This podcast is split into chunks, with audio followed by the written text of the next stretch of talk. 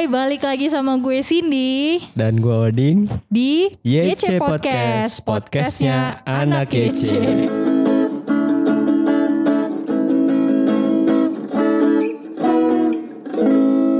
Oke, eh, sekarang tuh kita episode berapa sih, Ding? Episode ke-9 sih Ke-9.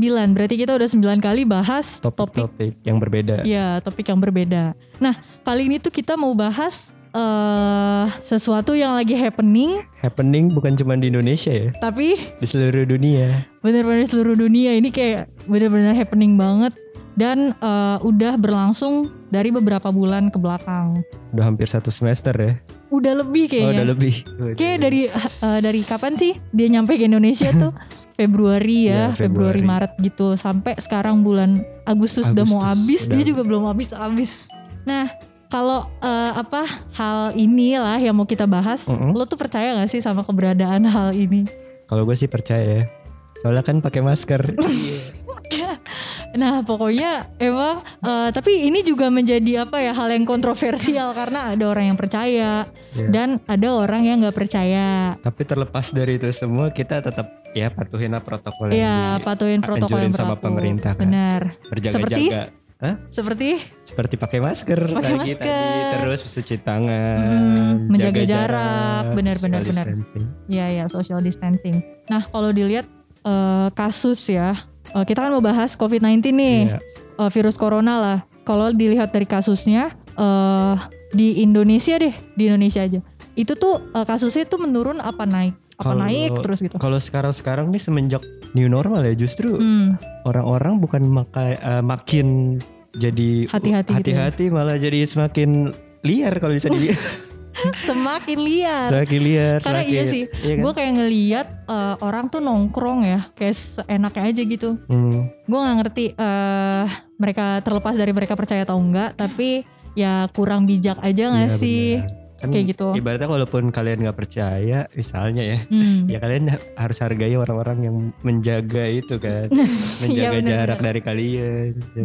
Ngomong. nah kalau kita lihat juga eh, angka apa ya eh, angka kematiannya pun itu juga eh, naik terus ya. Nah, naik terus dan pokoknya tapi kita tetap berharap eh, virus ini cepat berakhir. Amin. kayak gitu-gitu.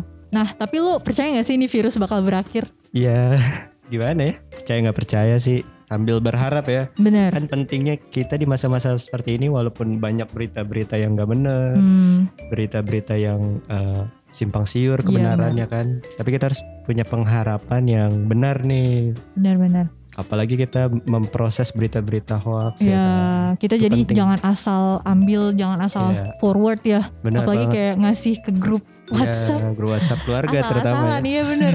Itu karena Sumber banget. hoax terbesar adalah banyak grup banget WhatsApp orang keluarga. yang bener-bener eh, termakan hoax gitu Benar. kan. Apalagi kalau ibu-ibu bu- Iya. bukan mendiskreditkan ya, tapi jujur aja langsung di forward gitu kan tanpa Iya, dibaca. iya benar-benar. Jadi intinya kita tetap harus beriman ya. Yes. Kalau eh, apa namanya? Kayak virus ini tuh bakal habis, bakal Hmm. selesai dan eh, yang udah terjangkit pun bakal apa ya? Bakal sembuh. Amin bisa. Ya gak sih? Ya. Kayak teman kita satu ini. Jadi kita ada eh, seorang narasumber. Wih, yang langsung ya. Iya. Teman kita ini jadi eh, dia tuh pernah dites Rapid test ya. rapid test atau apalah itulah namanya. Jujur gue belum pernah sih tes tes kayak gitu. Cuma eh, dia tuh eh, hasilnya terdiagnosa reaktif, dan sempet eh, dirawat. Berarti kan itu bener-bener apa ya? Kalau jujur gue yang kayak gitu gue kayak aduh nggak tahu harus gimana ya? lagi. Iya deg-degan banget kan. Dan karena kan emang banyak berita yang bilang susah sembuh. Hmm, Ya gak sih? Karena apa ya bener-bener karena Eh, belum ada obatnya juga. hmm, belum ada Jadi vaksinnya. antibody kita harus benar-benar kuat. ya. Nah kita langsung, Langsung aja ya. siapa ding? Kita langsung sambut dengan meriah. Ini teman kita Dolly Martin. Weh. Bener kan ya namanya ya? Bener bener. Bener. Dolly boleh sapa-sapa dulu. Sobat-sobat Conqueror. Hai Cek. Iya. Ayo C. Oke, eh gini Doli. Jadi eh, kita itu tahu kalau lo itu pernah eh, terdiagnosa reaktif, Mm-mm. eh, reaktif terjangkit virus corona gitu ya. Terus lo sembuh gitu, ya kan? Iya benar-benar. Lo dibilang udah clean lah istilahnya lo udah sembuh gitu. Nah bisa bisa cerita gak sih awalnya sampai kenapa akhirnya lo bisa reaktif gitu, lo bisa kena covid? Awal cerita Hmm, reaktifnya. ya. hmm. Jadi sebelum tes tuh sebenarnya dua minggu sebelumnya lah sebelum tes tuh sempet ini kan ada seminar mahasiswa gitu Oke. di dari kampus lah. Nah di Hmm. situ kebetulan emang ada seminar rohani gitu. Oke. Seminar siaran rohani. Nah jadi kan ada juga ada pelayannya juga di depan kan. Dia kita main musik. Nah kebetulan gue salah satu di dalamnya. Hmm. Gue main gitar di main situ kan. gitar. Nah, kita latihan-latihan belum tahu tuh. Hmm. Setelah seming seminggu setelah ini, setelah Latihan. seminar itu Oh, selesai, selesai. kita tahu bahwa WL-nya ini atau yang mimpin Ujian. lagunya ini, dia ternyata positif, positif Oh. COVID. Nah, di situ emang tiga hari sebelum di- tahu dia positif COVID emang ada gejala sih kan. Hmm, Ada kayak panas. Batuk-batuk. Batuk sih enggak, cuma Kenapa? panas terus di bagian belakang tuh sakit. Oh. Ya, hampir-hampir kayak gejala COVID lah kan. Hmm, Iya. akhirnya tiga hari setelah gejala itu tahu tuh si pemimpin lagunya itu Positif. eh, positif Oke. akhirnya Oke. itu sebenarnya nggak langsung tes Hmm, seminggu tuh didimin aja di kos kan Oke. kayak minum-minum obat dari puskesmas aja Obat paracetamol gitu-gitu. ya kayak gitu lah ya obat-obat puskesmas ya yang dikasih kayak obat-obat batuk gitu sih, kayak Nah. demam kan akhirnya sembuh seminggu Hmm, habis itu seminggunya lagi ya biasa lah kayak mahasiswa kembali ke kehidupan mahasiswa begadang Oke. terus ini lagi main-main lagi kan akhirnya seminggu lagi gejalanya timbul lagi Timbul lagi. nah Wah. baru di situ makin parah demamnya kan Oke. hampir sampai 38 39 lah Oh, gila tinggi banget. Hmm, nah baru habis itu dibawa ke RSUD Depok udah Depok. Mm-mm. Oke. Dan baru tuh di rapid test baru dan di rapid test hasilnya reaktif. hasilnya reaktif Nah. Perasaan pertama kali lu ngeliat hasil itu gimana tuh? Maksudnya, iya kan? Iya bener. Iya kan? Bagaimana perasaan lu? Dok? iya sebenarnya kalau perasaan jujur aja sih seneng sebenarnya Oh. iya jadi Wah emang ada selalu sukacita bos. Oh, luar biasa. Apa pun ya. kejadiannya, lo tetap bersuka cita. oh iya, jadi gue nggak tahu sih kenapa ya Oke, Cuma terus pas terus. ada isu-isu tentang COVID-19 ini masuk Indonesia, gue salah satu orang yang antusias mau kena gitu loh. Iya serius, ini serius sih sore. Gue udah ngomong sama temen gue berdua kan. Nih kayaknya kalau kita kena kan virus ini berita-beritanya sih kalau anak muda sembuh kan. Oke. Terus kita bisa masuk sejarah nih. Waduh. Gue pernah kena dan sembuh kayak gitu. Kayaknya asik aja menurut gue. Sejarah. Ya kebanyakan sih anak muda sembuh kan gitu. Amin. Jadi kayak pengen aja kena. Tapi kalau sejarah kan biasanya harus ini dulu. Iya lanjut. Oke oke. Eh, pokoknya lu kan malah seneng ya. Iya. Dan lu intinya ya udah lalu bener-bener udah reaktif eh, sama si virus ini dan endingnya lo dirawat dong pasti. Nah perjuangan lo nih pas lama lu diisolasi tuh kayak gimana? Selama lu diisolasi di rumah sakit tuh Ya kalau ngomongin perjuangan, emang awalnya sih senang kan, positif ya, positif seneng. Hmm. Terus udah bayangin juga sebelum positif, eh, sebelum tahu hasil reaktif tuh udah bayangin ntar bakal diisolasi kayak gini-gini, Hmm. kayaknya enak nih gini kan. Waduh. Ternyata pas hari yang ngejalanin ya satu dua hari kok nggak sesuai ekspektasi Emang gitu. ekspektasi lu kayak gimana tuh? Maksudnya Ekspektasi gue isolasi? gue kayak orang yang wah gue diisolasi nih diistimewakan nih. Oh, Jadi gue kayak karena di- kehidupan anak bos. jujur ya, tapi gue jujur gue nggak expect kalau eh, apa ya kayak ngewawancarain orang yang pernah covid tuh kayak kayak gini tau Iya, gak? terus jawabannya suka Iya, cita. suka cita. Oke, Iya. lanjut lanjut. Maksudnya diistimewakannya tuh gimana sih? Iya ekspektasi gue tuh gue kayak di servis habis-habisan gitu kan. Oke. Apa- Sama Kayak terus makanan gue diambilin. kayak Bener. apa aja yang gue minta. Mungkin dia bakal ngasih gitu kan. Minum pagi susu kan.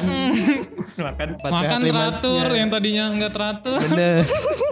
Ekspektasi di luar gitu. Terus gimana kenyataannya? Ya kenyataannya sih emang bener itu kejadian Oke. sih ya. Emang bener kejadian cuma tapi kok ada yang kayak kurang gitu. Kayak, kayak Hmm. nggak enak aja diisolasi. Yang tadinya emang makan nggak teratur jadi teratur. Tapi yang tadinya bisa ngobrol sama teman. Oke. bisa ngobrol sama orang lain jadi terbatas sosialisasinya gitu yang tadi bisa langsung ngobrol Hmm. ya sebenarnya sih bukan yang diisolasi doang ya tapi semua orang juga yang nggak di nggak reaktif juga emang distancing juga kan Iya. cuma ya banyak lah yang berkurang kayak kita bisa ngeliat orang langsung sekarang enggak terus bisa keluar ruangan bebas olahraga segala macemnya kebetulan gue juga kan backgroundnya olahraga Oke. terus yang tadinya emang sering olahraga rutin Hmm. sekarang kok di ruangan aja gitu loh Iya, nggak bisa ya. gerak banyak gue kira tiduran doang juga enak gitu Hmm. ternyata Nggak enak juga ya? Enggak enak juga. rebahan tuh ternyata banyak kaum rebahan kan. Iya. Ternyata rebahan mulu tuh nggak enak. Enggak enak. Berapa lama lu di isolasi? kurang lebih nggak nggak lebih sih kurang atau pas lah sebulan kalau. Sebulan. hampir sebulan Oh, cukup lama ya. cukup lama merasakan rebahan itu kan Sebulan rebahan juga boring abis sih. Bener. Gimana lu tetap eh, jaga sosial lu? Maksudnya kan kayak tadi Hmm, hmm. lu merasakan jadi kurang ngobrol gitu kan. Mm-mm. Kan sedangkan di rumah sakit kita tahu penggunaan HP juga nggak boleh Hmm, terbatas lah soalnya kan banyak alat-alat medis kan. Eh bentar-bentar berarti nggak ada yang jagain dong? yang jagain nggak ada yang Oh, jagain itu nggak ada dan perawat pun datang pas jam makan loh Berarti lu bener-bener sendiri ya? oh enggak nggak sendiri di ruangan jadi gue sama pasien-pasien reaktif yang lainnya oh lima orang kita di ruangan Bergabung menjadi Enggak Mas, satu. gini nih Yang ada di pikiran gue pertama kali dia bilang ada lima orang Misalnya ada yang satu sembuh kan tahu-tahunya yang lain masih reaktif Iya makanya. sembuh Jadi ber, ber ini aja jadi kita. iya kayak gue udah sembuh kena lagi Iya dong dia yang sembuh gue ken gue kenain dia Tapi lagi ngobrol gitu ya. gak sama-sama pasien? ya kita sih ngobrol sih Oh. cuma ya gitu Jaga lah jarak juga ya? ngobrolnya ya seadanya aja sih Oke. Oh, gue kan- kira main kartu bareng gitu. Waduh, bukan anak muda semua. Oh, ada juga yang udah berumur lansia gitu Waduh, kan? bukan ada. Tapi yang ada anak mudanya cuma gue doang. Ini yang lain ya udah berumur semua. Oke. Eh, Oke oke oke oke. Nah tapi itu itu benar-benar ya kayak misalnya lu selama isolasi tuh makan benar-benar teratur ya. Teratur banget. Teratur. Empat Lu- sehat lima sempurna ya? Hmm. Mak- Saking sempurnanya gue, aduh gak ngerti lagi. Biasanya makannya Indomie goreng, Ah. Indomie Iya, rebus. Ini empat sehat lima sempurna. Oke, nah sampai endingnya lu bisa dinyatakan udah sembuh gitu, ya gak sih? Hmm. Bener-bener kayak eh, saat lu mungkin diperiksa lagi kah di bul di akhir bulan sebulan itu sampai lu akhirnya eh, ada hasilnya kalau lu udah sembuh gitu. Oh, tentang pemeriksaan sih. Jadi setelah reaktif dari rapid test, gue langsung dirawat kan. Mm. Nah dua minggu itu setelah dirawat, gue ada tes lanjutan namanya swab yang kita kenal tuh. Oh, swab. swab test. Iya, Boleh swab diceritain test. tes swab itu kayak gimana? Swab test kok kalau mau tahu tuh kayak apa ya? Kayak ada semacam lidi gitu. Oke. Panjangnya tuh sekitar 20 cm lah. Waduh banyak juga. ya. Nah itu dimasukin tuh lewat hidung. Aduh. Oke. Nah itu semuanya masuk. gue gue sih nggak ngerti tuh masuknya Hmm. ke mana ya. Gue juga baru mikir hidung gue sepanjang itu lubangnya kan. Dimasukin dan itu kok nggak ya sampai ke leher gitu kalau nggak salah. Sakit ya pasti. Sakit sih enggak sih, kayak resah aja gitu. Resah. ada Gelisah. ada iya ada yang masuk ke dalam Iya, tubuh gitu tuh lewat hidung lagi Kayak kan. ngilu ya sih. benda-benda asing kan? Iya. Terus geli, resah. Emang perawatnya sih udah ngasih tahu, Heeh. ini bakal nggak enak nanti ya. Ah, Kok dia ngasih taunya bukan bakal sakit tapi bakal nggak nggak enak. Emang bener ternyata Emang nggak enak. nggak enak. Oke, nah itu sampai berarti lu dinyatakan sembuh itu setelah hasil swab itu. Nah ini yang gue masih bingung sih sebenarnya. Sebenarnya ketika gue keluar dari rumah sakit hasilnya belum keluar. Oh, Jadi- tapi lu udah boleh pulang tuh. Udah, udah boleh pulang. Sama dokternya dibilang kalau cek pengecekan kayak dari ronsennya udah membaik. Cuma hasil tes swabnya ini belum keluar karena dari dini kayak sekarang nunggu Oh. dari Oh. kliniknya. Sampai sekarang. Terakhir keluar sebulan setelah gua keluar dari rumah sakit baru Oke. dikasih tahu lewat WhatsApp Dan negatif kan? hasilnya negatif. Wih, bener-bener sih itu apa ya? eh, pasti lu juga percaya lu bakal sembuh kan waktu itu. Percaya banget. Bener-bener lo eh, apa ya? eh, menyingkirkan hoax, Iya. menyi- menyingkirkan Mm-mm. kayak eh, stereotip orang yang udah terlanjur mereka mikirnya tuh kalau eh, covid tuh pasti Sulit. Mengerikan iya, ya. sulit mengerikan, dan eh, persentase lu buat sembuh tuh kayak kecil banget gitu. Harapan hidupnya kecil. Harapan hidup. harapan hidupnya kecil ya tapi mungkin gak sih ding dia tuh sembuh gara-gara dia ya suka cita aja nah, gitu benar. Dia berpengaruh apa berharapannya ya udah pasti gue bakal sembuh. sembuh ya benar-benar benar Punya Iya. iman ya. udah. karena Iya, gue bisa percaya juga eh, apa obat dari semua penyakit tuh hati yang gembira Yes. Wih. Hati yang gembira ya. adalah obat. Tapi Bener. semangat yang kering Apa? apa? Terbalik.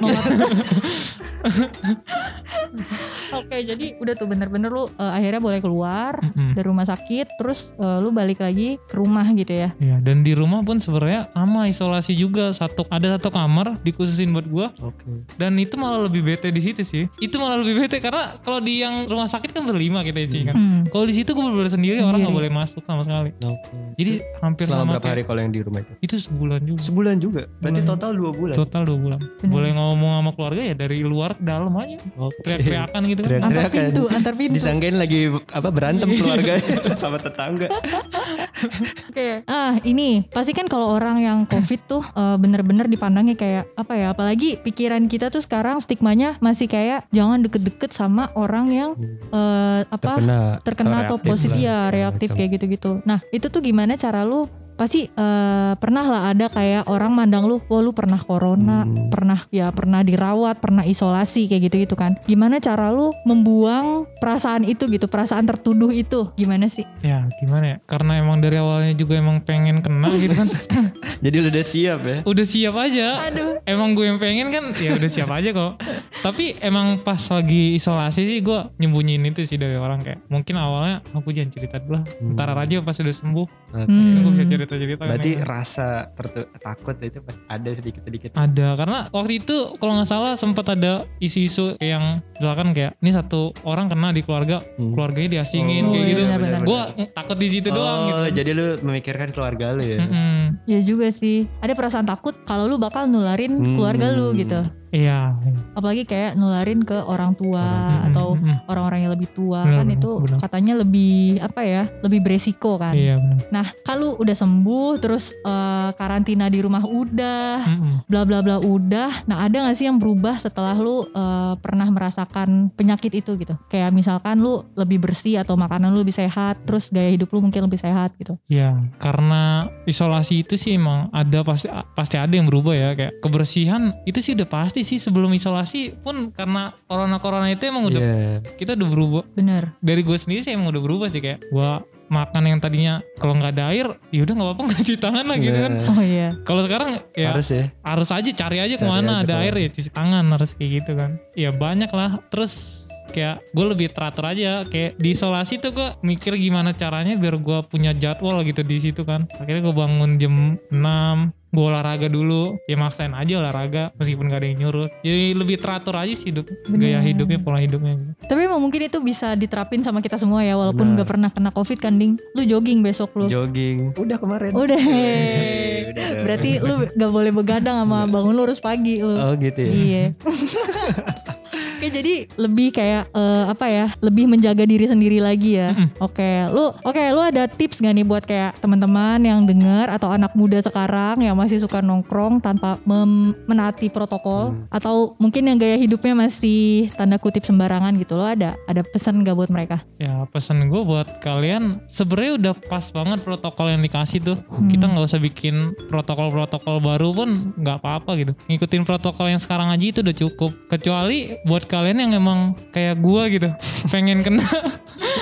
Tapi gue setelah ke sini sih gue mikir sih, kayaknya salah gue bilang gue pengen kena karena emang di gue jadi cerita, tapi di orang lain mungkin jadi beban gitu kayak perawat-perawat yang lain, dokter-dokternya Iya, kan benar, jadi banyak urusan, Benar, jadi banyak kerjaan. Ya kalau lu nggak mau mikirin si dokter itu kena-kena aja, ya nggak apa-apa. Cuma gue sih lebih kesian ke situ sih. Ya. Yang tadinya tanggung jawab mereka nggak terlalu banyak banget bisa ketemu sama keluarga. Sekarang karena corona jadi ya sibuk banget gitu. Jadi jangan egois ya. Jangan egois. Jangan mikirkan Jangan egois kayak gue.